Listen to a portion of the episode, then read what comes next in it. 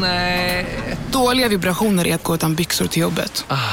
Bra vibrationer är när du inser att mobilen är i bröstfickan. Alla abonnemang för 20 kronor i månaden i fyra månader.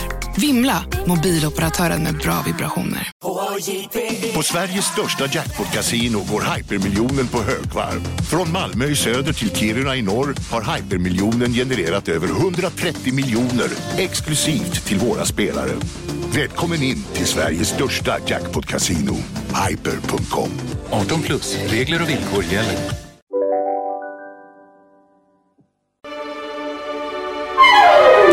Du lyssnar på en podd från Perfect Day.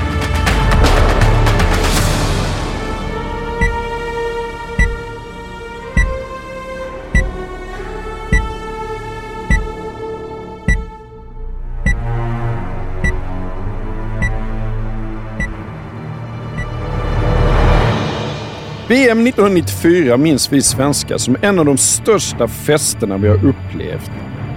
Och vägen dit var inte heller så farlig. Vi kvalificerade oss faktiskt ganska tidigt. För många andra länder var det precis tvärtom. Det här var sista kvalet som avgjordes utan playoffs och åtta länder skulle bli klara under sista omgången. Det var flera lag på samma poäng, på samma målskillnad, på samma antal gjorda mål. Det var upplagt för drama. Det blev thriller, skräck, fars, feelgood, feelbad och personliga tragedier. Aldrig har en fotbollskväll varit mer minerad. Aldrig har en fotbollskväll betytt så mycket för så många som den 17 november 1993. Idag ska vi göra ett annorlunda avsnitt av When We Are Kings. Det kommer inte handla om ett lag, det kommer inte handla om en spelare, det kommer handla om en kväll fotbollsvärlden aldrig mer kommer få uppleva och vi ska berätta den minut för minut.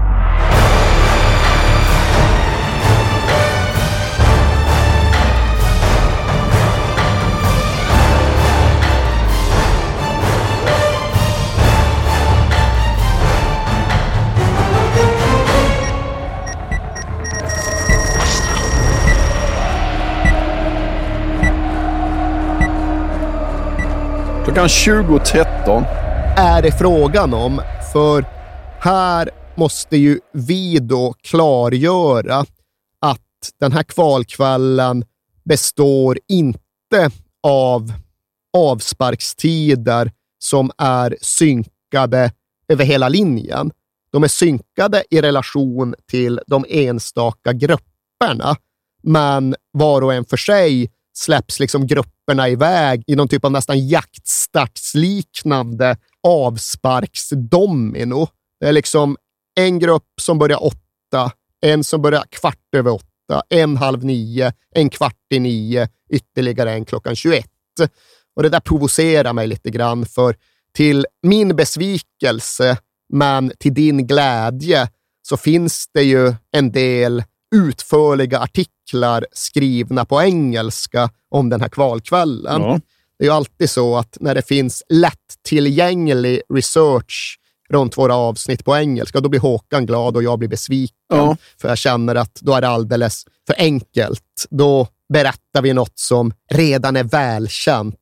Och vi gör oss dessutom sårbara för anklagelser om att upprepa någon annan. Ja, för 20 år gamla artiklar i engelska tidningar är ju väldigt lättillgängliga. Ja, Ja. När jag fortfarande skrev liksom mycket om internationell fotboll i Aftonbladet så räckte det ju att något hade liksom uppmärksammats i ditt sajt för att jag skulle känna att det var gjort och Ja. inte liksom hade sin plats längre. Sån är du. Ja. Men de här då utförliga artiklarna i erkända publikationer som The Guardian och Independent gör ju då kardinalfelet att påstå att det var simultana avsparkar. Det får man intryck av. Ja, men så var det ju inte. Mhm. Och det har varit ett jävla helvete att klargöra, för det är inte helt enkelt att bara få fastslaget vad det var för avsparkstider i början av 1990-talet.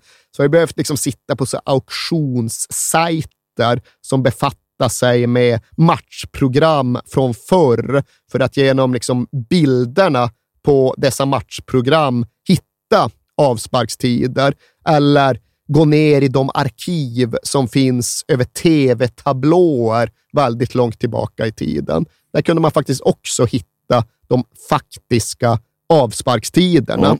Och det innebär att vi precis just nu närmar oss början på gamla Cardiff Arms Park i Wales. Vi närmar oss för den delen även avspark på Konstant van den Stock-stadion i Bryssel, där Belgien ska möta representationslaget för tjecker och slovaker, det. som det numera heter när Tjeckoslovakien har brutits upp. Och därmed alltså de två finalmatcherna i grupp fyra. Och läget var sådant att Belgien ledde gruppen på 14 poäng. Rumänien hade 13, Wales och tjeckerna och slovakerna hade 12. Det skulle räcka med kryss för Belgien hemma i den matchen. Skulle även räcka med kryss för Rumänien, men det var då borta i ett uppskruvat Wales. Och just här under minuterna före avspark, då märker man att det är något helt annat i luften än vad vi har vant oss vid kring de brittiska landskamperna. För liksom det flyger pyro genom luften och det gjorde det inte i Wales eller i England heller på den här tiden. Det är någon banger som går av liksom nära spelarna när de står uppradade för nationalsångerna. Det är någon annan liksom mindre fyrverkeriraket som flyger in och håller på att träffa huvudet på Ian Rush och studsar på Mark Pembridge. Och man märkte att jäklar, här ligger det något i luften. Och konstigt var kanske inte det, för samtidigt då som England sjönk allt djupare i San Marino så var det Wales som höll den brittiska fotbollsfanan. Här fanns det ju en högst konkret risk att inget brittiskt lag skulle kvalificera sig för VM. Och det hade inte hänt sedan de började delta. Det hade Nej. inte hänt sedan de började delta. Det var smått otroligt att det nu var Wales som tycktes ha den bästa möjligheten att förhindra det. Det var otroligt eftersom att Wales aldrig gick till mästerskap. Okej, de hade varit med i VM i Sverige 58, men det var ju ett tag sedan. Och det här kvalspelet hade inletts katastrofalt. Då som nu mötte de Rumänien i den allra första matchen. Och på de inledande 35 minuterna där nere så släppte Terry Joraths Wales in fem bollar. Ja. Det är ingen toppstart. Nej. Och det är inte så att Terry Jorath vibrerar av harmoni, men han återvänder såklart hem och liksom tillbringar tid med sin familj och sin 15-åriga tonårsson och liksom kickar boll med honom i trädgården några dagar efter den här stjärnsmällen i Bukarest. Men medan far och son går där och kickar boll, ja, då segnar plötsligt sonen bara ner på gräset och vaknar sen aldrig igen. Han dör av någon sorts odiagnostiserat underliggande hjärtfel. Fan. Och det är klart Ja. att sorgen därpå ja, men färgar av sig på det walesiska VM-kvalet. Till att börja med eftersom att Terry Jorath ja, men sjukskriver sig. Ja. Han är inte längre förbundskapten för Wales under de tre landskamper som följer. Och därpå blir väl egentligen folk mer överraskade av att han faktiskt återvänder än de hade blivit ifall han inte gjort det. Men ungefär samtidigt som han ändå tillträder sin post igen, ja, då växlar även såväl resultat som stämningsläge runt det walesiska VM-kvalet. Och mycket är knutet till att en ung kille som heter Ryan Giggs får göra sina första matcher och han debuterar från start hemma mot Belgien och gör mål direkt Ja. då Wales besegrar det många tror är gruppens bästa lag. Och där vänder det. Där börjar Wales vinna och där väcker även det här walesiska landslaget en typ av delaktighet som inte funnits på ja men, 35-40 år under en tid då det blivit tydligare och tydligare att det kanske egentligen är rugby som Ja. är Wales första sport. Nej, inte den här kvällen, den här hösten runt det här laget. De hade verkligen tagit fart och lyft upp och ackompanjerades hela tiden av den här gamla Can't take my eyes off you-sången som ja, man hade blivit deras kamplåt och signaturmelodi och som knöts till fotbollssporten i och med detta. Det är ju många av de där läckta sångerna som kommit att utgöra någon typ av standardrepertoar som man inte längre vet hur de egentligen kom in Nej. på arenorna från första början. Uh, och vi pratade om Seven Nation Army med White Stripes, ja, vi pratade om Italien och hade kunnat prata om liksom One Nil to the Arsenal, som ju först var Go West med Pet Shop Boys, som PSG någonstans hade börjat använda sig av. Här var det i alla fall Wales landslag som först tog till sig Can't take my eyes off you. Och det blev bland annat Fredrik Ljungbergs sång i Arsenal med åren, men här var det soundtrack till det som skulle bli en historisk VM-biljett av nationellt intresse. Både prinsessan Diana och premiärminister John Major hade skickat lyckönskningar till det walesiska laget och Terry Yoreth accepterade detta. Han accepterade deras position och betydelse. The players and I have got the responsibility of doing for Welsh and British football what nobody else has been able to do. Och med detta gick då Wales in i den avgörande kvalkvällen. Det är fyrverkerier och pyro i luften och det är en usel matta på gamla Cardiff Arms Park för Frank Bruno har nyss varit där och boxats och dessutom är i rugbylandslaget där mest hela tiden. Och Wales har ett problem i att Mark Hughes är avstängd. Mark Hughes som faktiskt hade använts på mittfältet mest under det här kvalet. Men de tror på det. Jävlar vad de tror på det.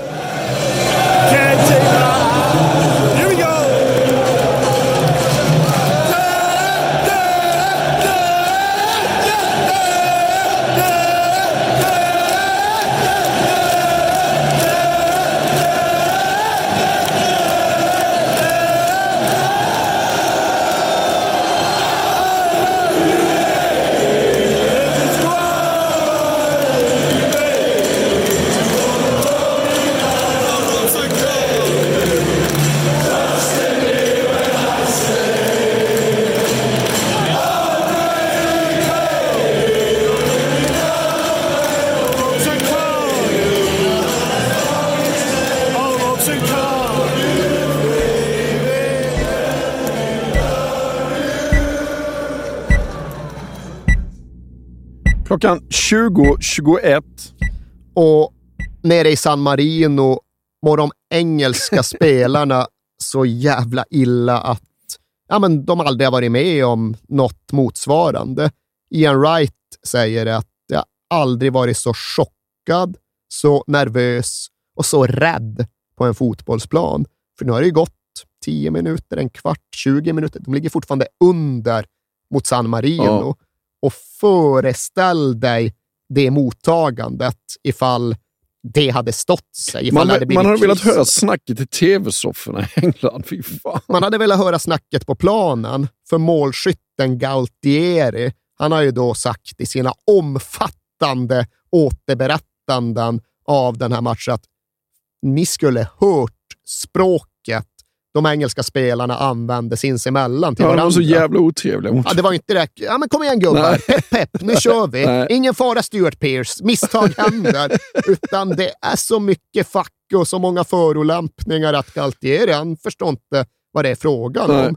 Och den enda, liksom Lee Dixon, han går runt på högerbacken och ska typ skratta men det är bara en försvarsmekanism. Ja, ja. Det är bara hans sätt att försöka hantera ja, men en typ av trauma ja. som håller på att växa fram.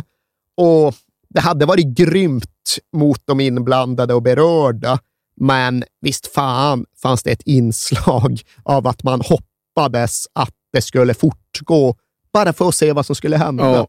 Vad skulle det innebära ifall England tappade poäng? Vad skulle det innebära ifall de gick till pausvila i underläge? Hur skulle snacket gå? Men tyvärr skulle vi aldrig få veta det, för i den 22 minuten kvitterar Paul Ince för England och därmed är väl egentligen förtrollningen bruten och den allra mest akuta faran i alla fall avvärjd. Klockan 20.25 springer de irländska spelarna ut för att börja värma upp på Windsor Park i Belfast. Och ifall du hade velat höra snacket i engelska tv-soffor eller om du hade velat höra vad engelska landslagsspelare sa till varandra, så vet jag inte om du hade velat höra vad den huvudsakligen protestantiska publiken vrålade mot de katolska spelarna från Irland när det var dags att beträda den här gräsmattan. Jo, det hade jag velat höra också. Det hade du? Ja. Ja, frågar du Alan Kernigan, mittback i Irland, så var ja, men, din mamma är påvens hora. Ja. Det var typ det första han fick höra. Och speciellt med Alan Kernigan, för han hade då vuxit upp i Nordirland, i County Down. Och han hade inte bara stått på läktarna på Windsor Park, utan han hade varit bollpojke som ungdomslandslagsman för Nordirland. Men sen var det ju det här med the granny rule. Vill du gå på the granny rule? Nej, gör du det? Ja, alltså, en benämning som började användas i takt med att Jackie Charltons irländska landslagsorganisation dammsög de brittiska öarna på spelare med förfäder, med far eller morföräldrar som stammade från Irland. För det hade skett någon typ av förändring av Fifas statuter som innebar att du inte behövde vara född på Irland.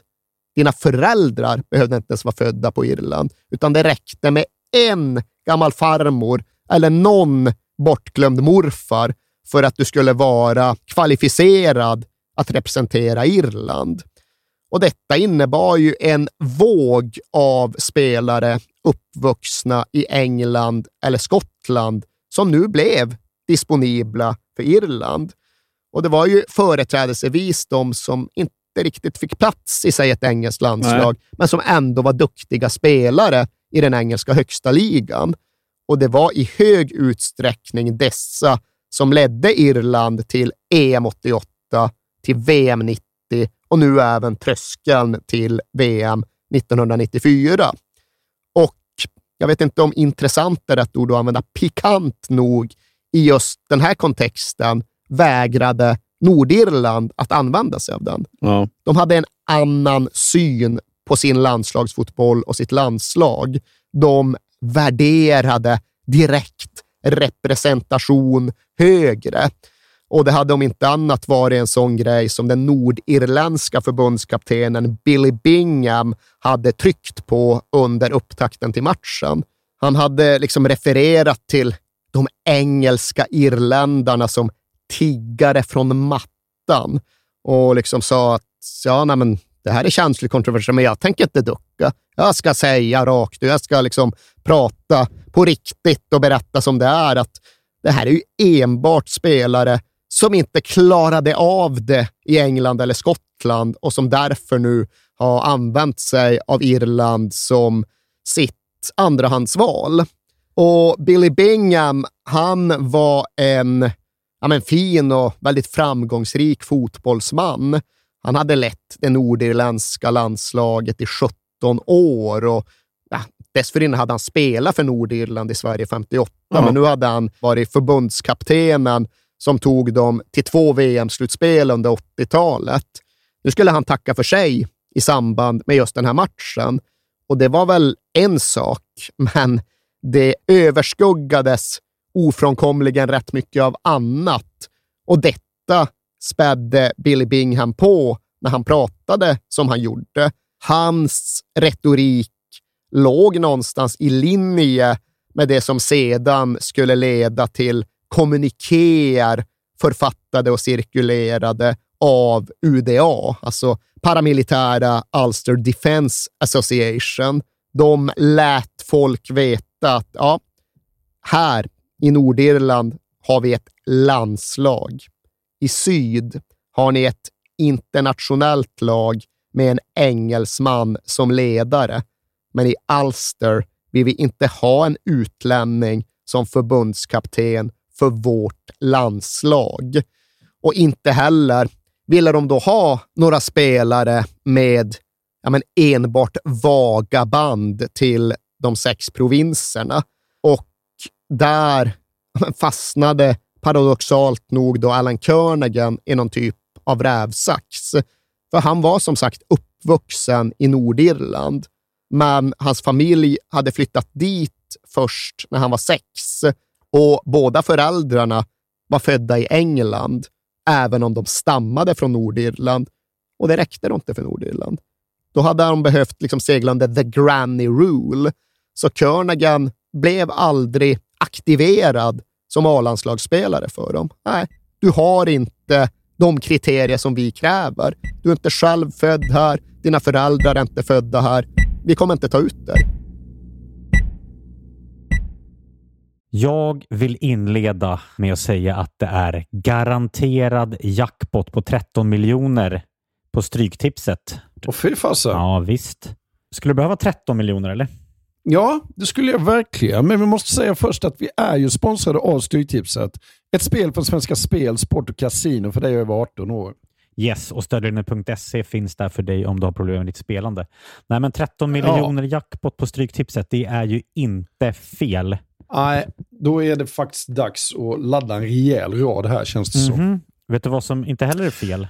Nej. Födelsedagsfirandet och alla härliga mm. historier vi får in. Exakt, mm. för vi är ju mitt inne i Stryktipsets 90-årsfirande som vi firar med att läsa upp fantastiska historier från våra lyssnare yes. som skickar in dem till kings at perfectdaymedia.se. Precis, bomba på nu. Det är åtta månader kvar på det här firandet, så att, eh, vi kör nu. Mycket Stryktipshistorier vill vi ha mm. och i dagens har vi fått från Peter som skriver så här.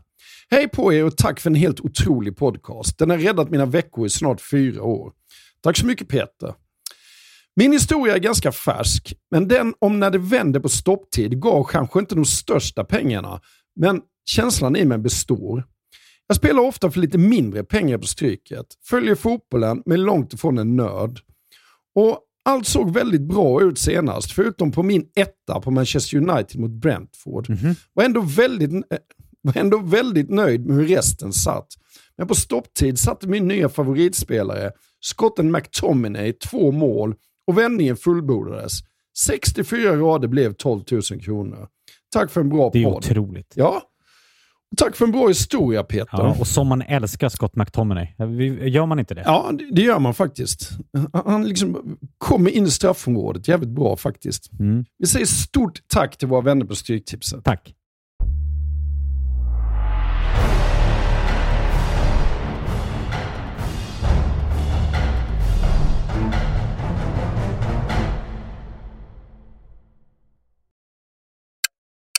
Klockan 20.30. Och dags att släppa iväg ännu en grupp. Den här gången grupp 1. Och där var väl kanske egentligen huvudstoryn den schweiziska sensationen.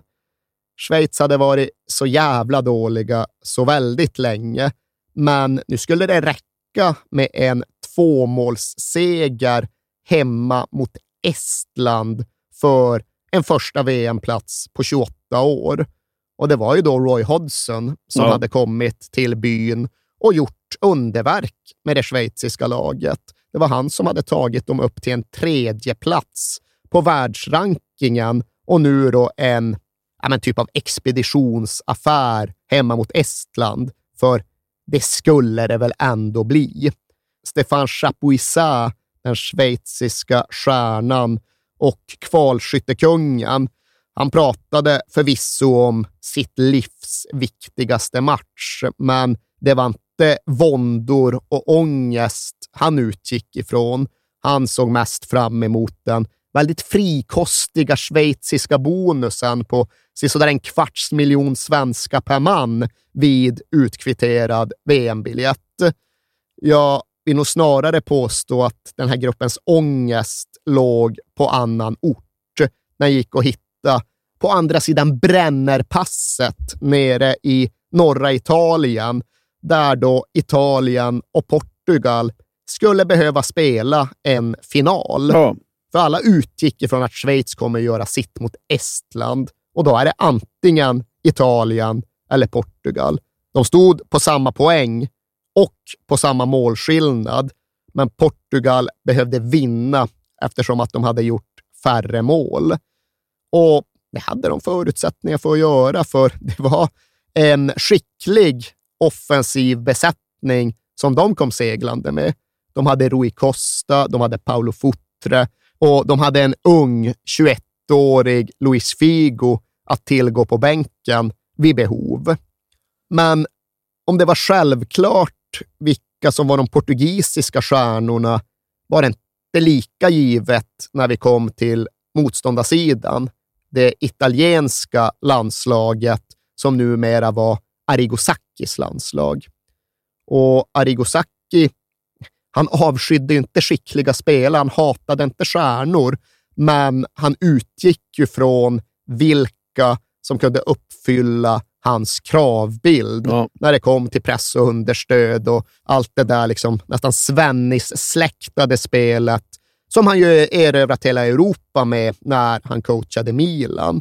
Som italiensk förbundskapten hade han sökt och trevat och avfärdat och kasserat utan att riktigt få till mixen och blandningen som han behövde.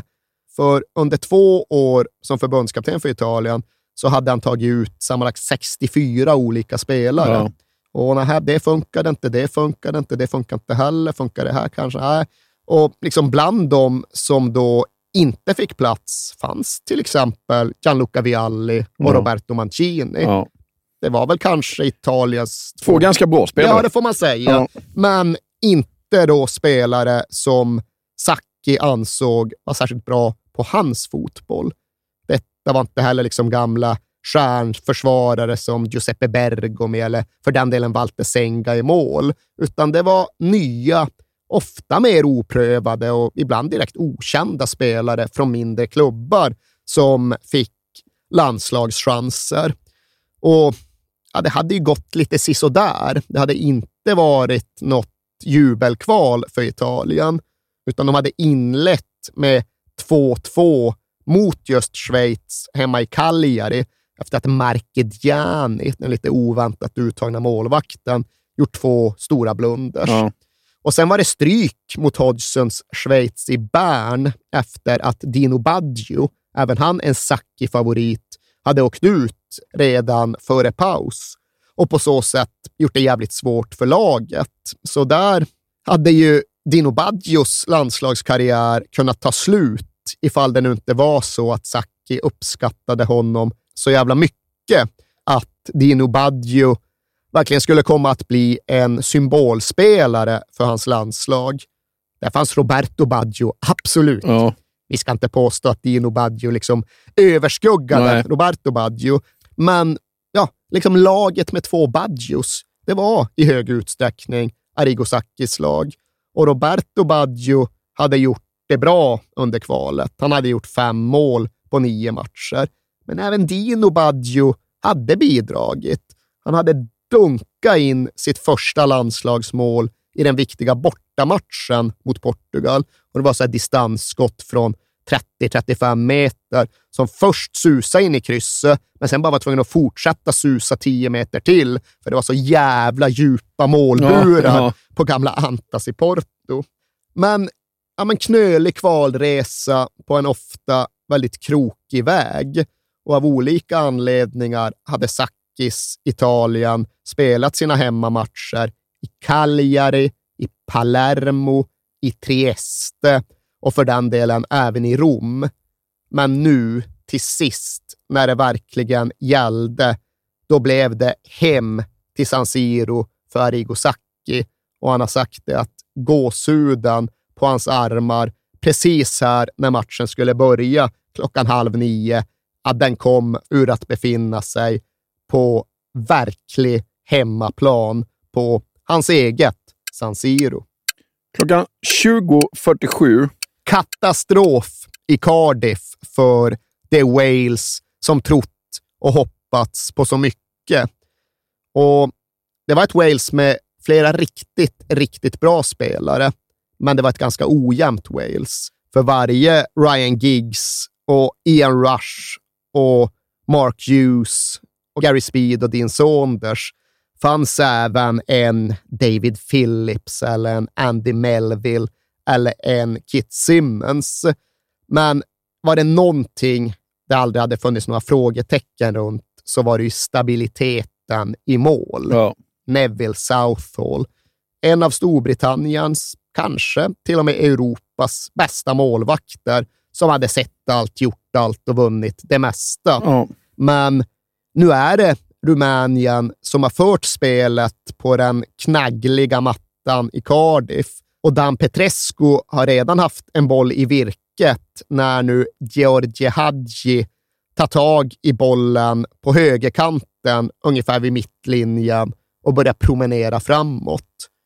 Och det är ingen fara på något tak, för även om han skär in på sin vänsterfot är han fortfarande goda 25 meter Ja. ut med rätt dålig vinkel och han får inte mycket till träff Nej. heller. Men just den här gången, av alla jävla gånger, så vet jag faktiskt inte vad som händer med Neville Southall. Han liksom, jag vet inte om man ska säga att han inte hin- hinner ner i tid, eller han liksom bara dyker över bollen, Ja. släpper den under kroppen. Jättetavla Katastrof av den du minst Ja. hade väntat dig begå den typen av misstag och så är det uppförsbacke för Wales. Samtidigt som det har hunnit bli paus i Englands match nere i San Marino och även om de nu är i ledningen så är det inget som tyder på att de ska klara det. Nej. Och parallellt med detta så rullar även nästa grupp igång. Och det handlar då om grupp 6.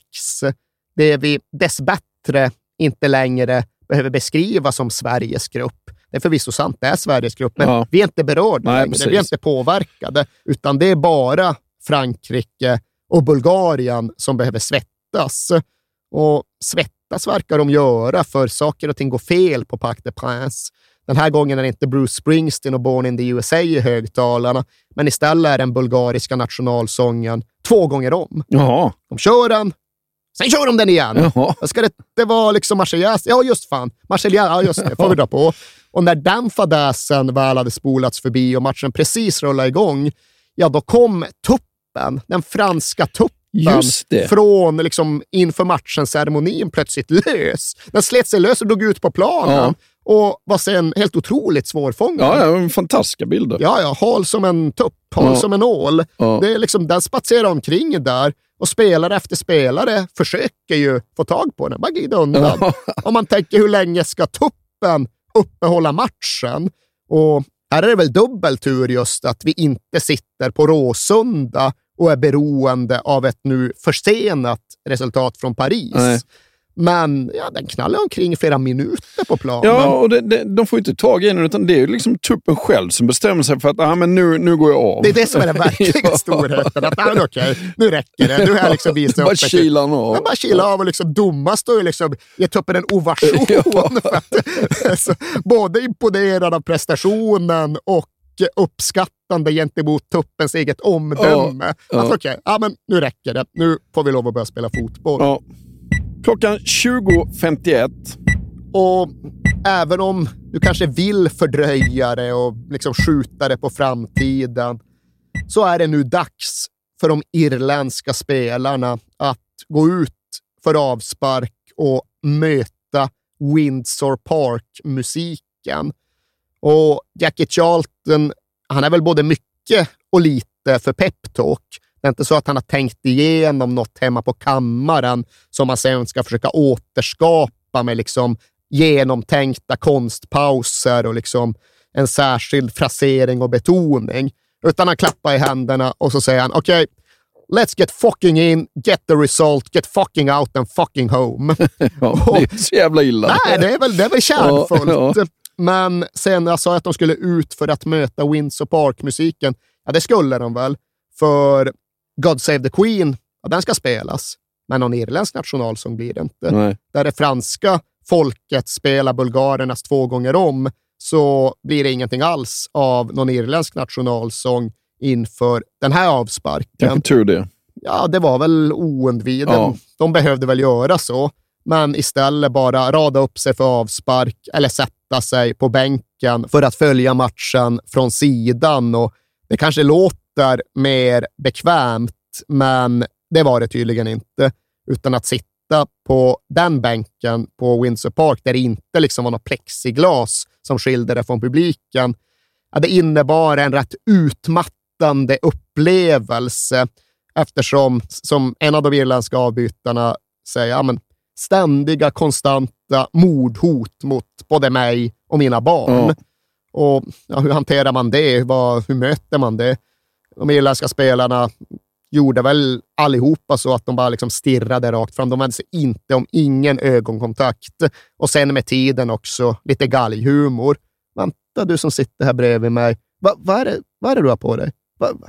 Den här röda pricken. Va, ej, röd prick i pannan på dig. Kanske inte nödvändigtvis det bästa och Jaha, roligaste det får- skämtet just där Nej, och då. precis. Var det inte en massa jävla schäferhundar, polishundar också, som bara stod och skällde? Jo, det gjorde väl sitt till Ja. Det är ljudbilden. inte så roligt att liksom ha det är inte så. Alltså speciell, speciell, speciell stämning och inramning. Och för den delen även historiskt omtvistad inramning. För det ska sägas att det finns ganska gott om både vanliga åskådare och journalister baserade i Belfast som än idag vill göra gällande att så farligt var det inte. Nej. Och liksom så hetska var inte talkörerna. Och så många var det inte som stod bakom dem. Och egentligen var det väl mest bara liksom en fotbollsmatch präglad av viss rivalitet. Det finns verkligen många som var där som säger så. Ja. Och det är svårt att bara avfärda deras vittnesmål, men det är faktiskt ännu svårare att bara kasta bort berättelserna från de irländska spelarna själva och hur de upplevde det. Ja, men det är bara att kolla förberedelserna. Ja. Och det är Ja. också så att ifall det finns någon form av tvistemål mellan avsändarsida och mottagarsida kring huruvida något var olämpligt eller hotfullt eller inte. Det är liksom mottagaren som bestämmer. Exakt. Det är faktiskt så. Ja.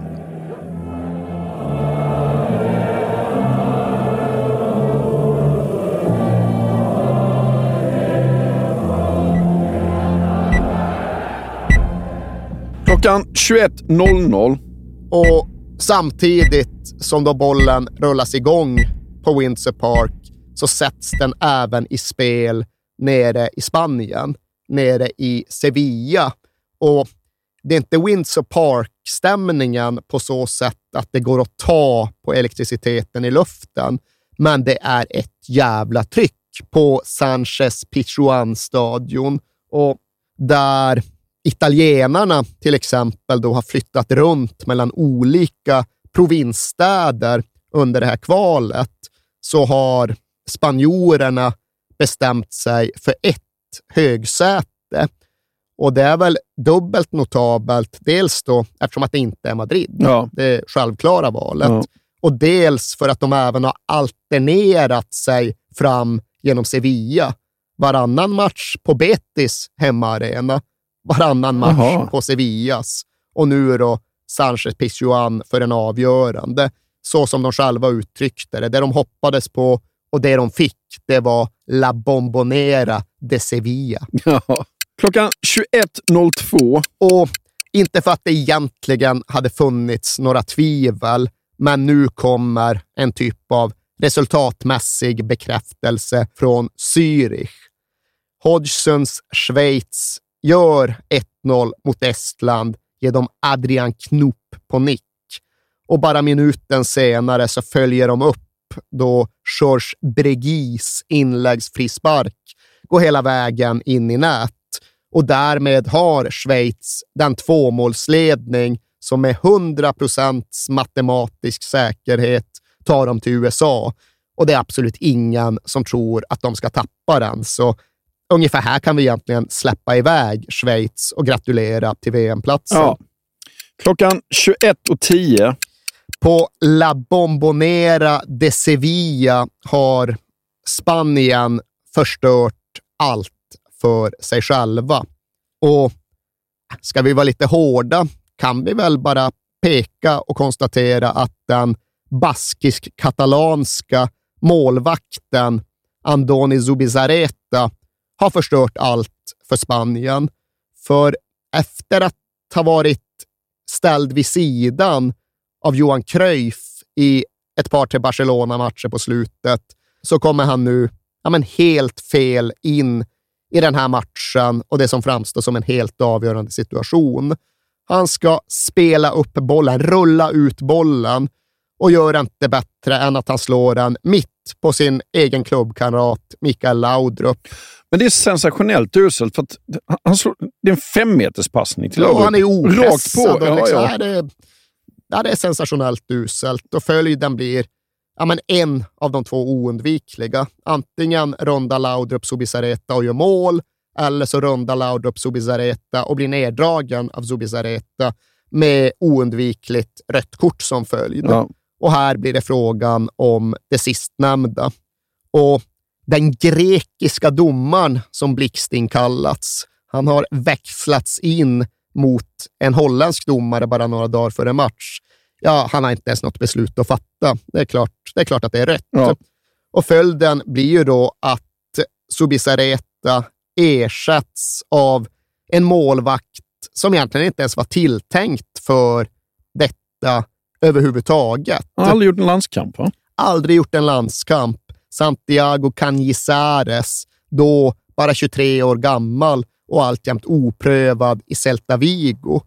Men med bara en knapp vecka kvar till match så visade det sig att den ordinarie reservmålvakten Julen Lopetegui, som vi idag känner som tränare, men han hade fått problem med ryggen, behövde lämna återbud och då var det bara att kalla in den där Canizares, för han var ju ung, han skulle säkert må bra av erfarenheten, han kunde använda det här som ett sätt att liksom försnabba sin egen tillväxt, för han skulle inte stå i mål. Nej. Det var inte tanken. Men nu skulle han det.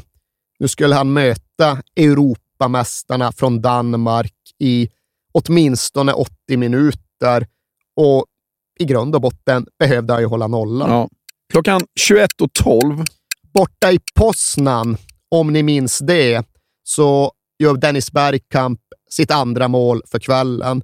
Sitt andra mål för ett Nederländerna som nu leder med 2-1 och som gör rätt mycket vad de vill i matchen mot Polen. Och därmed så är det faktiskt slut och över även i denna grupp. England gör några mål, det trillar in lite bollar där nere i San Marino, men i och med det här holländska ledningsmålet så står det klart att det kommer inte ha någon betydelse. England kommer missa VM, Holland kommer gå dit och nu kan de återgå till att spela mindre fotboll och käbbla mer om fotboll. För de ska gruffa och diskutera och argumentera fram och tillbaka om hur det egentligen ska bli med Johan Cruyff som förbundskapten för det här VM-laget. För det är sedan tidigare överenskommet att Dick Advokat, han är bara där som någon typ av interimkapten som vikarierar under kvalet. Sen är det dags för Cruyff. Så är det överenskommet, men ja, det sista ordet är inte sagt, men de holländska diskussionerna är för en annan dag. Den här kvällen är avklarad. Kan vi bara få en spekulation från dig? Hade de vunnit VM med, med Cruyff som förbundskapten? Nej. Nej, Ja. Klockan 21.16. Paus på San Siro i Milano och Arrigo Sacchi är bekymrad. De har fortfarande sin VM-plats, men tråden är skör. Och om något har Portugal legat närmare ett ledningsmål som i så fall skulle förändra allt. Arrigo Sacchi upplever sitt lag som skräckslaget och rädsla blockerar dig. Och som Saki själv säger är egentligen det enda som motverkar hans egen rädsla att han kan titta sig omkring i det där omklädningsrummet och se ja, men några killar han känner från förr. Där finns Alessandro Costa Curta och där finns Paolo Maldini och där finns framför allt Franco Baresi som varit rätt överlägsen under den första halvleken. Och så länge de inte släpper någon förbi sig, ja, då är Italien fortfarande ett VM-lag. Klockan 21.21 och 21. Förlösning i Paris. De har inte velat låtsas om det och de har än mindre givit något uttryck för det, men det har varit fladdriga franska nerver. Men nu kan de stillas, för nu har Frankrike tagit ledningen och de har gjort det med eftertryck och de har gjort det på ett sätt som vidimerar Gerard Oulier och hans sidsteppande av David Ginola. För nu är det Jean-Pierre Papin som skickligt och kontrollerat styr ner en nick till Eric Cantona och Cantona bara bultar dit en halv volley. Och nu ska det väl ändå vara klart den här gången, för inte kan de tappa ytterligare en hemmaledning mot ett underlägset motstånd. Jag vill bara säga att det föranleddes av en glidtackling av Deschamps på mitten som eh, Bulgarien fick inte ens frispark. Jag tror idag skulle han fått rött kort för den. Så har du sett den eller? Inte så att jag noterat den ärligt talat. Jag har ju sett målet och liksom gått igenom det, men jag tänkte inte på tackling. Klockrent rött kort. Ja, ja, det, kolla, ja. där ser man. Kan kolla på det sen. Avec une faute de Deschamps, l'arbitre, Monsieur Motram n'a pas sifflé. Deschamps sur le côté face à Ivanov, peut centrer. Papin. Ah, il a voulu la donner. But de Cantona Avec Sur cette remise de Jean-Pierre Papin, Cantona catapulte le ballon. Ah, il y a mis tout son cœur. 19e but en sélection pour l'attaquant de Manchester United. Och ja, kanske skulle det ha varit rött kort runt om i Europa är det oundvikligen så att domare hamnar i fokus under den här kvällen. Det är så tajta matcher, så avgörande situationer. Och samtidigt då som Deschamps skövlar sig fram i Paris så ser Philippe Albert rött i Bryssel. Han är redan varnad och det innebär att det inte är frågan om frilägesutvisning eller inte när han sågar en framstormande check. Är det Kadlec? Jag får mig att det är Kadlec. Men det är i alla fall, ja, det hade kunnat vara direkt rött. Det är definitivt ja. ett andra gult.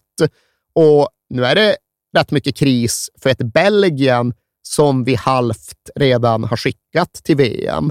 Då ska de väl klara en poäng hemma mot en sammansmält representation av tjecker och slovaker. Tusan vet, för de har ändå drygt 40 minuter kvar att spela. Och om det verkar långt så går nog klockan ännu mycket saktare för de spanjorer som började sin match trekvart efter belgarna.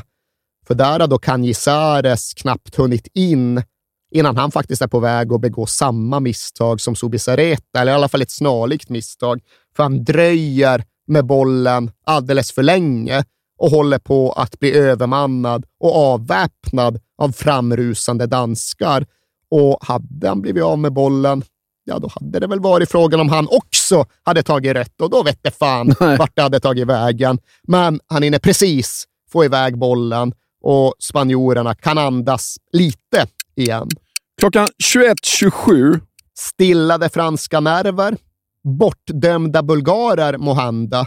Ja, nu återgår någonstans ändå matchen i Paris till sitt utgångsläge, för Bulgarien kvitterar. Krasimir Balakov, fina Krasimir Balakov, slår in en hörna. Emil Kostadinov, som egentligen inte ens skulle ha varit i landet, nickar in bollen och kvitterar. Klockan 21.32 Bulgarien har fått sitt mål, Wales har det inte. Och nu är vi en timme in i deras match mot Rumänien och en allt mer otålig hemmapublik sjunger “All we are saying is give us a goal” och knappt har den sången hunnit klinga av innan deras önskan blir uppfylld och besannad. För Wales har inte spelat särskilt bra. Rumänerna är skickliga och håller bollen borta från dem. Men nu har de i alla fall fått en frispark och fasta situationer, det får de lov att utnyttja. Och nu gör de det. Det är väl Giggs som slår in bollen och sen är det inte en duell, det är inte två dueller. Det är fyra, det är fem dueller på rad och till sist har walesarna vunnit tillräckligt många för att bollen ska dimpa ner framför Dean Saunders tre meter utanför mållinjen och han stöter in kvitteringen. Ett riktigt walesiskt mål. Ja, ett gammal walesiskt ja. mål, verkligen. Och gammal walesaren Barry Horn, hårding på mittfältet, berättar om hur han tittade på de rumänska spelarna efter kvitteringen och kände att nu har momentum skiftat totalt. We've got these. We absolutely got them. Och det är svårt att säga emot, för matchen hinner ju knappt ens börja igen innan Wales trycker på framåt och en ny situation uppstår. Och Gary Speed, alltså sorgligt saknade Gary Speed, mm. är på väg att kanske få en typ av halvt friläge, men nu får han inte det, för han går ner. Och det är väl ärligt talat mer en fråga om att han själv går ner. Att han söker kontakten och lägger sig än att han blir översprungen av Dan Petrescu.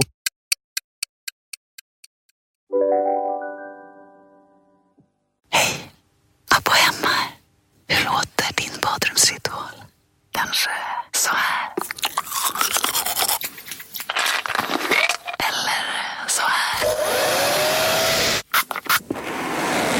Oavsett vilken ritual du har så hittar du produkterna och inspirationen hos Apohem. Om en sous är på väg till dig för att du hörde en kollega prata om det och du råkade ljuga om att du också hade en och att den var så himla bra att maten blev så otroligt god och innan du visste ordet av hade du bjudit hem kollegan på middag nästa helg för att du sålt in din lågtempererade stek så bra att du var tvungen att beställa en på nätet fort som attan. Och ja! Då finns det i alla fall flera smarta sätt att beställa hem din sous på. Som till våra paketboxar, placerade på en plats nära dig och tillgängliga dygnet runt. Hälsningar Postnord. Välkommen till Momang, ett nytt smidigare casino från Svenska Spel, Sport och Casino där du enkelt kan spela hur lite du vill. Idag har vi en stjärna från spelet Starburst här som ska berätta hur smidigt det är. Jaha, så smidigt alltså. Momang, för dig över 18 år. Stödlinjen.se. Klockan 21.55 så avgör till sist Raduccio borta i Cardiff. Och under de dryga 20 minuter som gått sedan den walesiska straffmissen så har rumänerna gjort lite vad de ville. De har hållit i bollen, de har skapat chanser, de har utnyttjat att walesarna har tappat sitt kollektiva huvud och bara springer runt och liksom inte längre hänger ihop.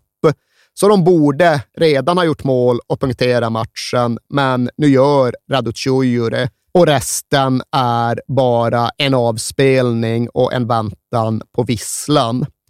Det är lite mer dramatiskt nere i Bryssel i den andra finalen i den här gruppen, men det blir inte så hett som det kanske verkade. Även om de saknar Filip Albert och är bara tio man, så kan belgarna ganska bekvämt kontrollera hem det här. Och det är väl belåten glädje snarare än extatisk eufori som möter den slutsignalen. Parallellt i Wales så jag vet jag inte riktigt vad det är för stämningsläge. Det är väl antiklimaktisk frustration och besvikelse som spiller över i idioti. För precis samtidigt som walesiska och rumänska spelare börjar lämna planen så flyger det en nödraket ovanför dem. Och den nödraketen, alltså verkligen en sån här pjäs avsedd för maritim användning. Och den här flyger då från den ena hemmaläktaren in på den andra. Och det här är ingen en liksom vanlig pyroteknisk leksak, utan det här är fan ett dödligt vapen som träffar den pensionerade brevbäraren John Hill i bröstet. Och John Hill har sin son, John Hill Jr, bredvid sig på läktaren, men där de allra flesta runt omkring honom inte har förstått vad som hänt försöker han då desperat få uppmärksamhet och tillkalla hjälp samtidigt som han står där helt blöt av sin pappas blod och märker att livet rinner ur honom. Klockan 22.10 så är det inte mycket mer än 20 minuter kvar av matchen mellan Frankrike och Bulgarien. Och av en eller annan anledning, som han själv inte riktigt klargjorde i efterhand, så bestämmer sig i alla fall Gerard Ollier för att det är en bra idé. Det är rätt läge att ändå kasta in David Ginola. Och jag får väl bilden av att det ja, men egentligen handlar inte om Ginola i det här läget, utan det handlar om Jean-Pierre Papin. Ollier uppfattar det som att Papin måste byta, för han får någon typ av krampkänningar som Ollier tror är en konsekvens av anspänningen.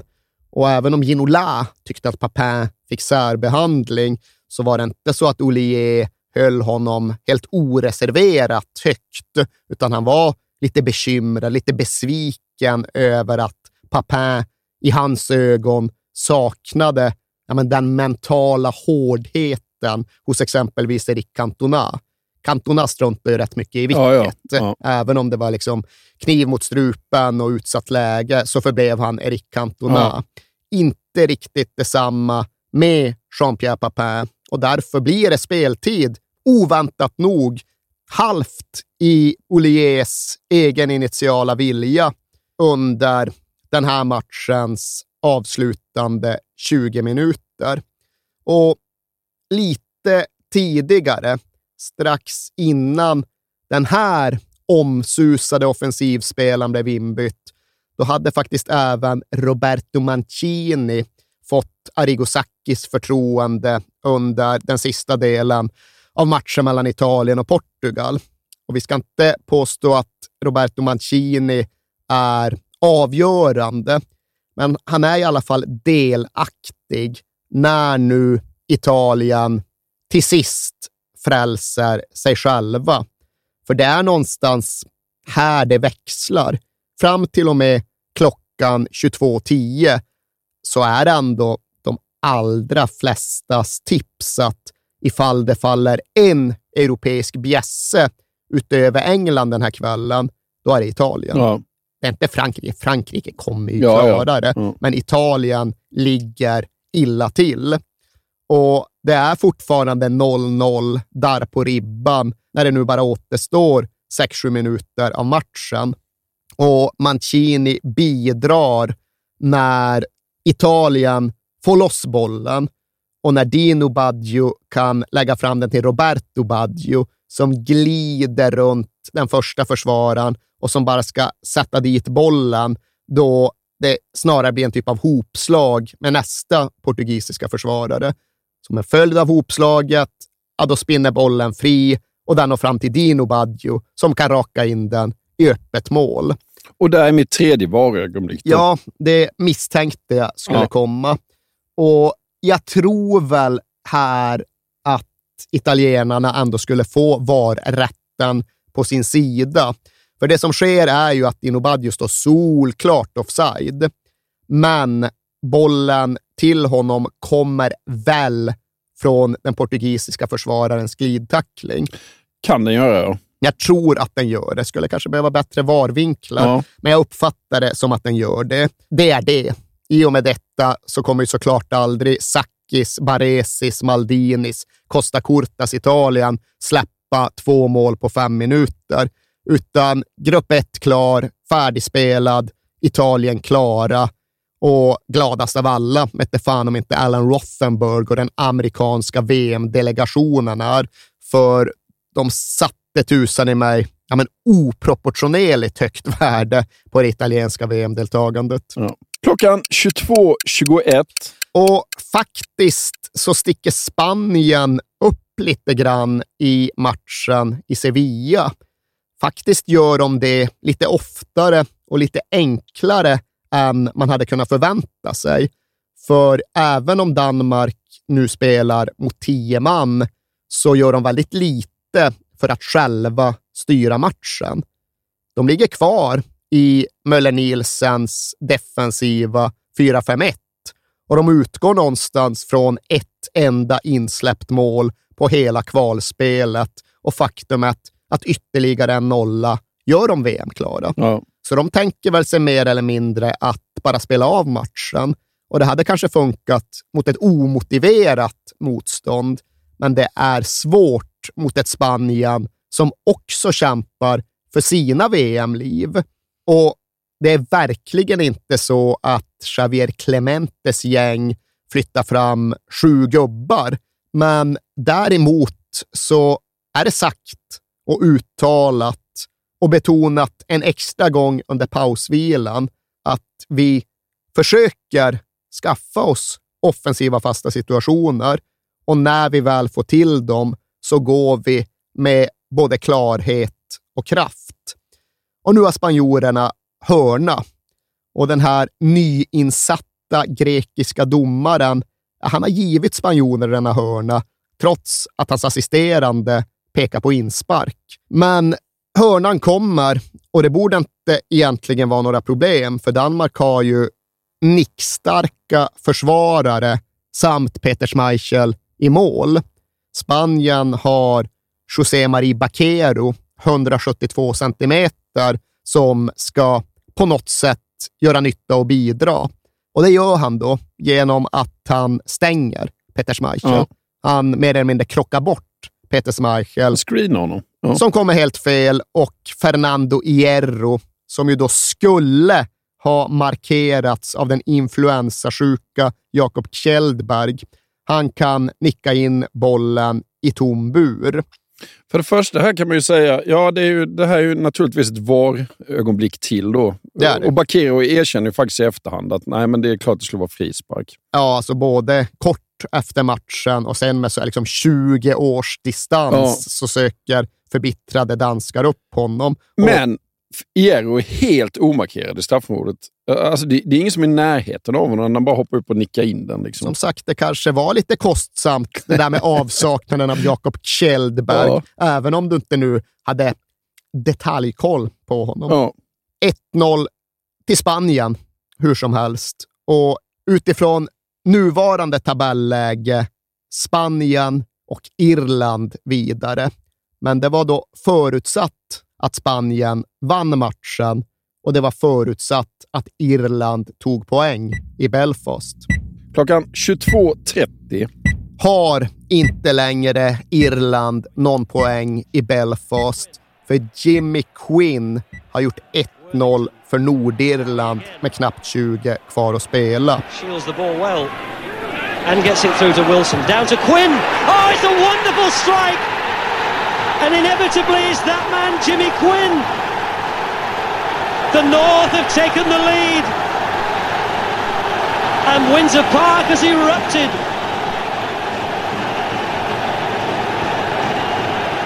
Och ja, det är till att börja med ett jävla Ja, mål. jävla mål är det. alltså, bollen läggs tillbaka till honom och han kommer flygande och möter den lyran med en volley som med fart loopar in över Pat Bonner i det irländska målet. Riktigt klassmål och Jimmy Quinn var väl en nyttig forward, men inte den sortens anfallare som gjorde sådana här mål. Nej. Jimmy Quinn var dessutom en spelare och en man som likt många andra åskådliggjorde hur komplicerat och hur krångligt allt det här med den irländska frågan verkligen är för de som faktiskt är berörda.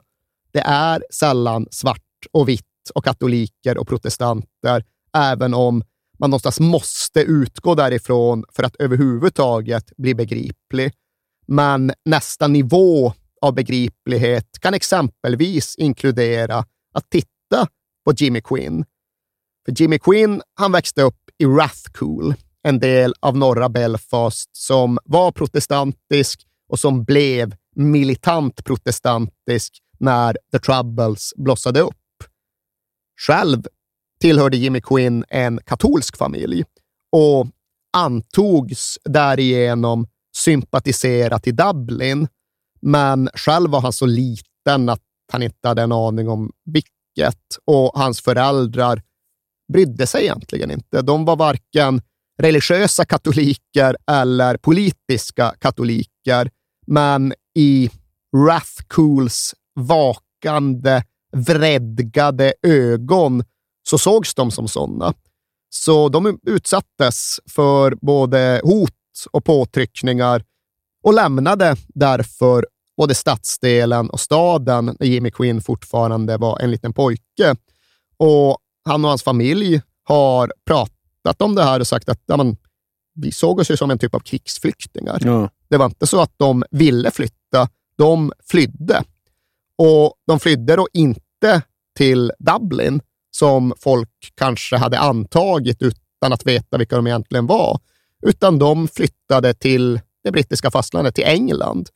Och väl där så kom tre av Jimmy Quinns bröder att gå med i den brittiska armén, vilket ju är den absolut största kardinalsynd du kan begå i irländska nationalisters ögon. Ja.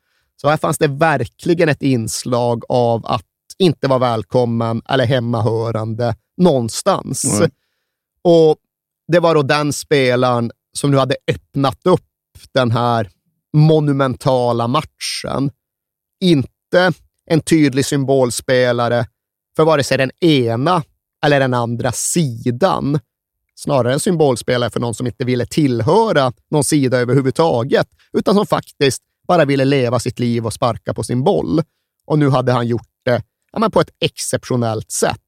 Det är 1-0 till Nordirland och idrottslig kris för Jackie Charlton och hans lag. Förbundskapten Charlton vill omedelbart slänga in den blytunga centern Tony Cascarino, som eventuellt då gjorde hattrick för Chelsea i Makita Cup-finalen 93. Ja. Men när han nu förväntas kasta sig in på planen så drar han snabbt av sig överdagsjackan och märker att oj jävlar, där under var det bara en vit underställs-t-shirt. och Charlton blir ju vansinnig. Ja. Cascarino har alltså glömt sin matchtröja i omklädningsrummet. Charlton vill mörda och Cascarino blir så att ja, men jag, jag springer ut och spelar så här. Liksom. Jag, jag spelar i den här tröjan. Ja. Det funkar inte riktigt så, Nej. Tony Cascarino. Och ja, medan det pågår palaver runt den här inhopparen så visar sig ett redan tidigare gjort byte bli extremt betydelsefullt. Klockan 22.33. 1-1 på Windsor Park och Alan McLaughlin gör 1-1 målet med en fin vänster halvvolley. Och Alan McLaughlin är då i alla fall i omvärldens eller nordirländarnas ögon en av dessa plastic paddies. Alltså irländare som inte är irländare. Ja. Irländare som inte borde spela för det här landslaget. Och visst, Alan McLaughlin var född och uppvuxen i Manchester. Han hade gått i skolan med Noel Gallagher. Ja. Och när han började etablera sig som seniorspelare kom han hem en dag och upptäckte att han hade fått två brev, officiella brev. Och han öppnade första och bara hoho! Det är från engelska fotbollsförbundet. Han är uttagen i B-landslaget för att möta Irland i Cork. Nästa brev då, hoho! Det är från det irländska fotbollsförbundet. Han är uttagen till dem också för att spela samma match. Och för McLaughlin själv var det viktigt att påpeka att, ja men vänta nu här, mina föräldrar var från Irland. De föddes på Irland, så jag var inte föremål för the granny rule. Det var ingen mormor eller något, utan nej, jag hade legitim rätt att spela för Irland och valde han som han gjorde av blodsband eller av karriärtaktiska skäl. Vem, vilka är vi att döma? Det finns väl kanske fog för att säga att han aldrig hade blivit uttagen i något engelskt A-landslag, för så bra var han inte. Han hade gjort någon handfull matcher för Southampton i engelska högsta ligan, men aldrig lyckats etablera sig. Utan han höll till i klubbar som Portsmouth och innan dess Swindon Town. Och där var det ju lite typiskt såklart att han hade varit klubbkompis och nära vän med då Jimmy Quinn som nyss gjort 1-0 för Nordirland. Det var Quinn som hade tagit hand om McLaughlin och liksom fått honom att trivas. Och att de två målskyttarna på varsin sida av den här matchen hade den typen av personliga relation. Det illustrerar ju också ja, men hur sammantvinnat allt ofrånkomligen ändå är. Ja. Du hade två andra spelare på respektive sida, liksom den nordirländska mittfältaren Jim Gilton och den irländska ytterbacken Steve Staunton. De hade gift sig med två kvinnor från Liverpool som var systrar, så de var liksom ingifta i samma familj och firade högtider tillsammans. Så Mal Donaghy i Nordirland, han var egentligen född och fostrad katolskt, även om han då spelade för protestanternas Nordirland.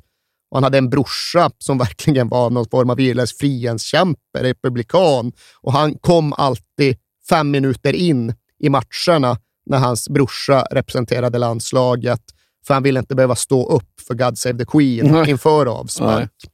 Men snurrigheter överallt och svängningar hit och dit. Nu återigen lika läge på planen.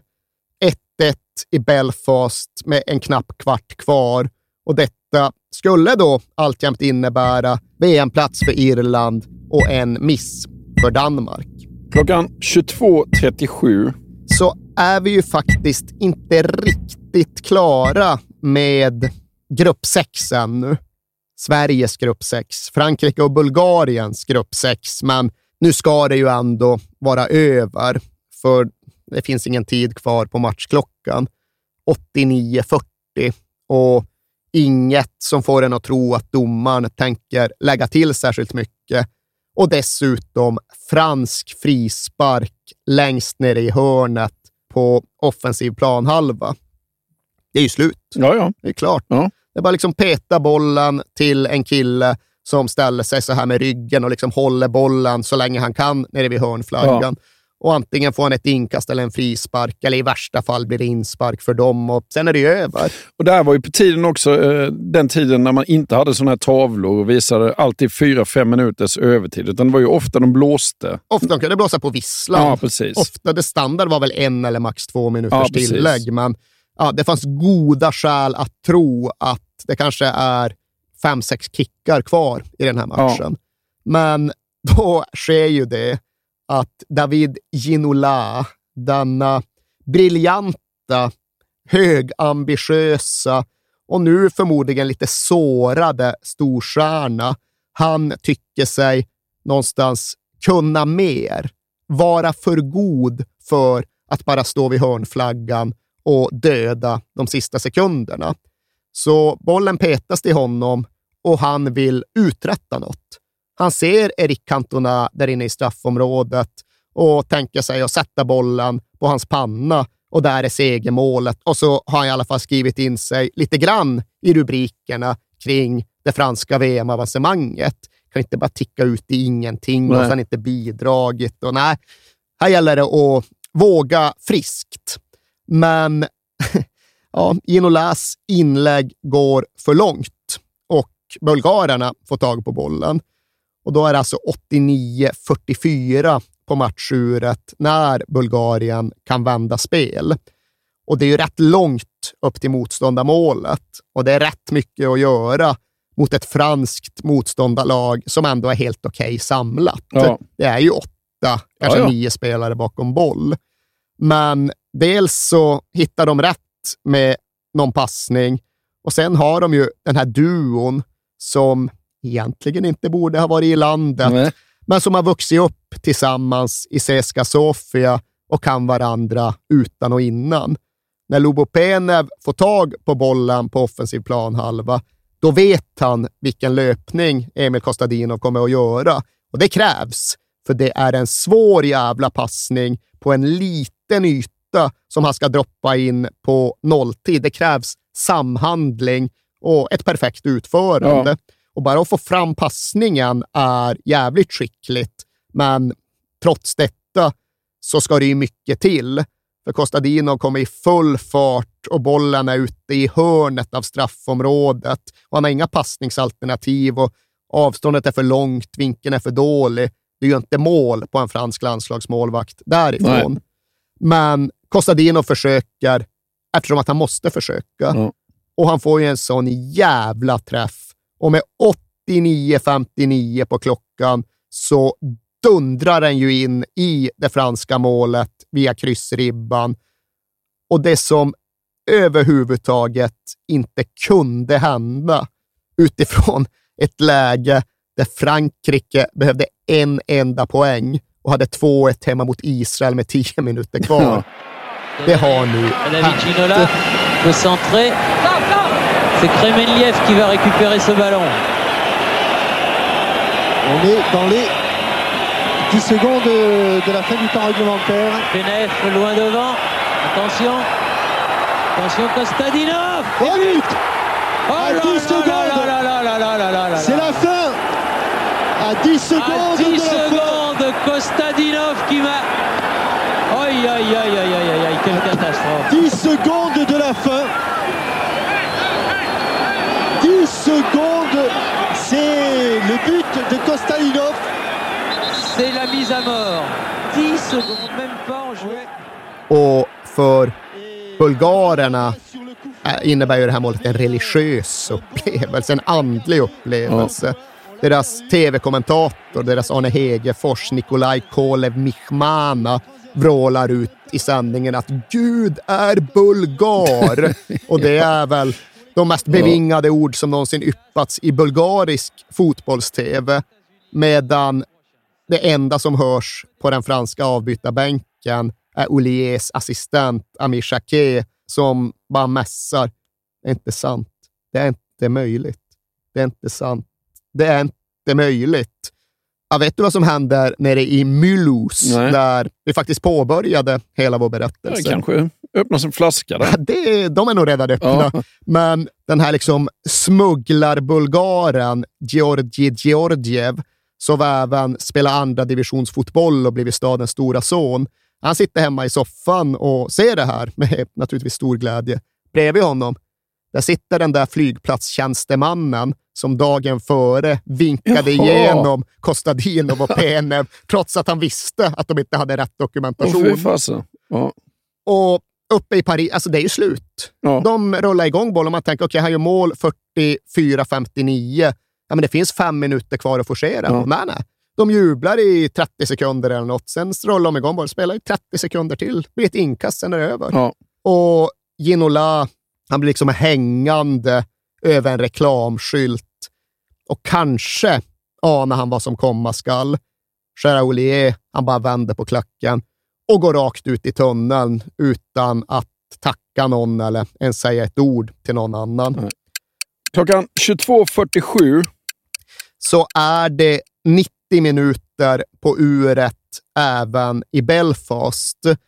Och det har varit hetsiga minuter sedan den irländska kvitteringen, men inte på så sätt att det har hänt så där jäkla mycket runt de båda straffområdena, utan snarare på så sätt att liksom stämningsläget runt planen höjts ytterligare. Och här är det ytterligare en gång så att det finns observatörer och folk som har varit på plats i Belfast som inte... Det här har aldrig hänt. Men det finns också Niall Quinn som spelar forward för The Republic of Ireland som ofta återvänder till sin minnesbild av hur publiken under slutfasen av den här matchen skanderar mot honom och hans lagkamrater trick or treat, trick or treat.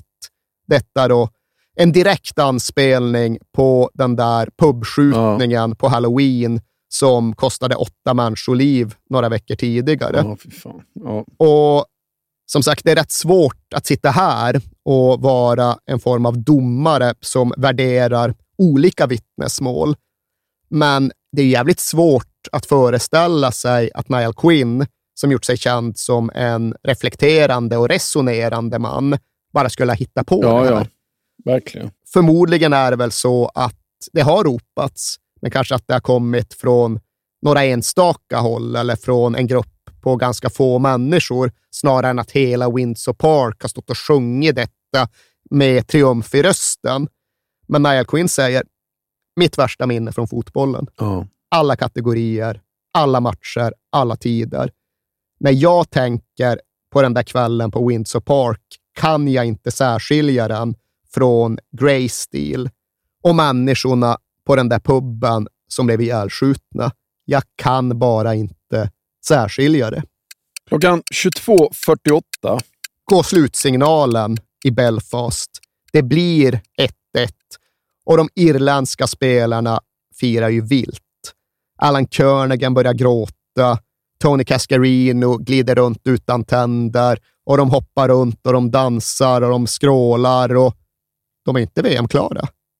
För okej, okay, deras match är slut, men deras biljett är fortfarande beroende av att elva danskar inte gör mål på tio spanjorer.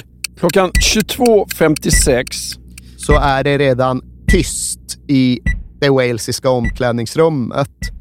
Det är den där sortens vibb som brukar beskrivas som någon typ av begravningsstämning.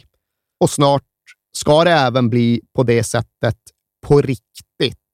För nu är det mest en fråga om att trösta Paul Bodin, straffmissaren Paul Bodin, den Neville Southall som gång på gång verkligen tar matchen och förlusten på sig. Det är jag ja. som gör ett stort misstag. Ja. Du slår en boll lite för högt. Det är mitt fel. Och Paul Bodin verkar väl ändå liksom ta det här hyfsat. Han ska ju komma och slå straff och göra mål för Swindon bara tre dagar senare ja. igen. Men samtidigt som liksom den besvikelsen som det ändå är frågan om ska hanteras, så kommer den walesiska förbundsordföranden in i omklädningsrummet och berättar om den här gamla pensionerade brevbäraren som fått eh, nödraketen i bröstet och dött. Ja. Och djup sportslig besvikelse kombinerat med faktisk tragedi, ja, det får någonstans sann sorg att lägga sig över den här walesiska landslagsgruppen. Och vi ska ju säga att det även påverkar de rättmätigt jublande rumänerna. De blir satta i någon typ av polisförhör knutet ja, till detta. Det, ja. Men det har vi faktiskt pratat ja, om i avsnittet om Rumänien 94 och därför väljer vi att lämna rumänerna rätt mycket utanför den här gången. Men för walesarna innebär det att flera av dem på skilda håll, var och en på sina hotellrum, sitter och gråter sig den här natten igenom för att allt gick så fel. Allt blev så hemskt och de flesta av spelarna kommer även att närvara på John Hills begravning halvannan vecka därefter. Det skulle bli så att två bröder från Wrexham dömdes till tre års fängelse för dråp efter den här händelsen. Och det de sa, det var att ja, vi, vi var ovana vid pyroteknik. Vi är liksom inga italienska ultras uppvuxna med detta, utan vi trodde att det var en handhållen bengal. Sen en var det tragedi. Ja. ja. Jag har ingen aning ifall det är giltigt Nej. försvar eller bara ett påhitt, men tragedi för alla berörda. De bröderna hamnade i fängelse. En gammal man förlorade sitt liv. Hans son John Hill Jr har fortfarande, 30 år senare, aldrig gått på en fotbollsmatch igen. Nej. Klockan 23.04 så kan man väl känna att det som sker, ställt i relation till exempel det vi just berättade, blir oproportionerligt, onyanserat och distanslöst. För det har blivit dags för presskonferens på ett oerhört besviket och faktiskt chockat Parc des Princes. Men på den presskonferensen väljer då förbundskapten Gérard Houllier att ja, men, hänga ut en egen spelare som det är frågan om en enskild spelare någonsin blivit uthängd förr. Precis. För han säger då att David Ginola, han begick ett brott riktat mot det egna laget. Och ifall det inte var så att journalisterna uppfattade vad han sa, så valde ju Oliers att upprepa en gång till så att det verkligen blir klart och tydligt. Han begick ett brott gentemot laget. Han skickade en Exocet-missil i hjärtat på oss själva. Och den där Exocet-missilen, det är någon fransktillverkad robot, Ja. så det är väl en begriplig referens där kanske, men det är fortfarande en rätt grov referens. Verkligen. Och absolut, Olier, som ju tyvärr inte heller finns med oss, många av huvudpersonerna från den här kvällen är ju borta nu. Men han skulle ge uttryck för att han ångrade sina ord. Men det var någonstans alltid i relation till hur han tyckte att Ginola hade behandlat dem snarare än vad han faktiskt sa. Han går med på att ja, men det var överdrivet, det var liksom illa funnet, jag borde ha besinnat mig och pratat på ett annat sätt. Men samtidigt tog Ginola direkt tillfället i akt att göra sig själv till martyr. Och även detta, martyr, är Oliers eget ordval långt senare.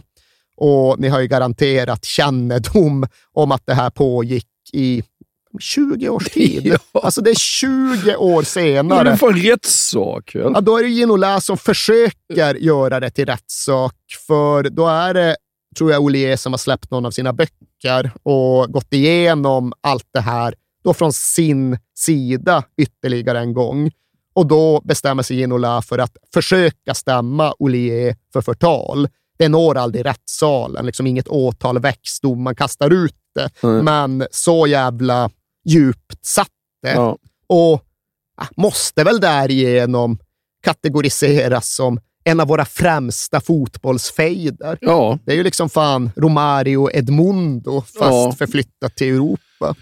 Ännu större känns det som. Ja, det gör fan Ja, det gör det. Men ifall du liksom nu säger att något annat är större än det Romario gjorde, så är det klart att Romario inte låter en sån här kvalkväll passera förbi utan att vara inblandad. Och det kan man ju tycka är lite svårt. Vadå då? Ja. Vad fan, Brasilien spelar ju inte, det här är europeiska kval. Ja, men vad fan. Romario är i Paris för att han har opererat sig i Frankrike. Och han är kompis med Risto Stoichkov Ja. och bulgarerna har vunnit. Bulgarerna är på gott humör. In i matchsamlingen när de hängde där utanför Frankfurt, då hette det att de skulle få 10 000 amerikanska dollar var ifall de vann och gick till VM. På själva matchdagen inför avspark, då var det plötsligt 20 000 amerikanska dollar. Ja. Och nu, i efterhand, då är det 50 000 amerikanska dollar. Och det blev inte riktigt så att bulgarerna verkligen kunde casha in dem där. Det var en sak med löften, en Ja. annan att verkligen få pengarna. Men de trodde sig ha rätt till 50 000 dollar var, så de ska ju raka vägen ut i nattlivet. De ska till Le Bain Douché, som är någon jävla klubb. Och Mm. dit kommer då Romario också, få hänga med Stoichkov och för att han känner igen en fest när han Ja, ser ja, den. verkligen. Prince är där av Jaha. oklar anledning och glider runt.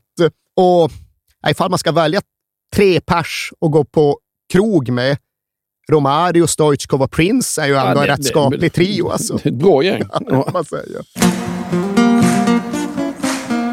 Klockan 23.06. så börjar väl, jag ska inte kalla det stridsrök, men så börjar matchångerna sakta att skingras i Belfast. Och något som borde har fått bli en fantastiskt fin slutpunkt för hela den här upptrissade kvällen och just den här matchen, det är när den nordirländska kaptenen Allan MacDonald, en rätt barsk protestant från detta Rathcool i Belfast, går in i det segerrusiga irländska omklädningsrummet för att tacka för match och för att önska dem lycka till. Han ställer sig där i mitten och håller ett litet anförande och säger att nu är det som det är och nu är det upp till er att representera vår ö i Amerika. Och vi är idrottsmän, inte politiker. Fotbollen vann ikväll. Fotbollen kommer alltid att vinna. Och där hade man velat sätta punkt. Ja. Men till att början så ska vi väl säga att ja, Alan McDonald, han finns inte med. Alan McLaughlin som gjorde Irlandarnas mål, han har ju också dött i förtid. Alan McDonald gick bort 48 år gammal i en hjärtattack. Och såklart en personlig tragedi som drabbade hans närstående. Men när sen det irländska landslaget åkte till USA för att representera ön, så gjorde de ju det inledningsvis på ett helt fantastiskt sätt nere på fotbollsplanen. De besegrar ju Italien det första som händer. Ja. Det finns rätt gott om irländare i USA också. Jo, nej, alltså, de hade ju skrivit upp det som att italienarnas närvaro var det enda som betydde Ja. något.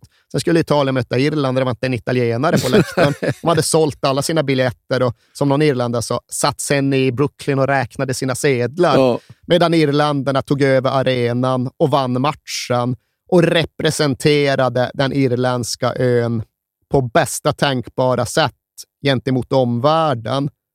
Men samtidigt, hemma på Irland, i Heights Bar, Luffin Island, County Down, det företrädelsevis katolska klientel som samlats där för att se på matchen för ännu en massaker. UVF, The Ulster Volunteers Force, stormar in, skjuter vilt omkring sig och dödar sex. Och den äldsta av de döda den kvällen, han var 87 år gammal och hette Barney Green.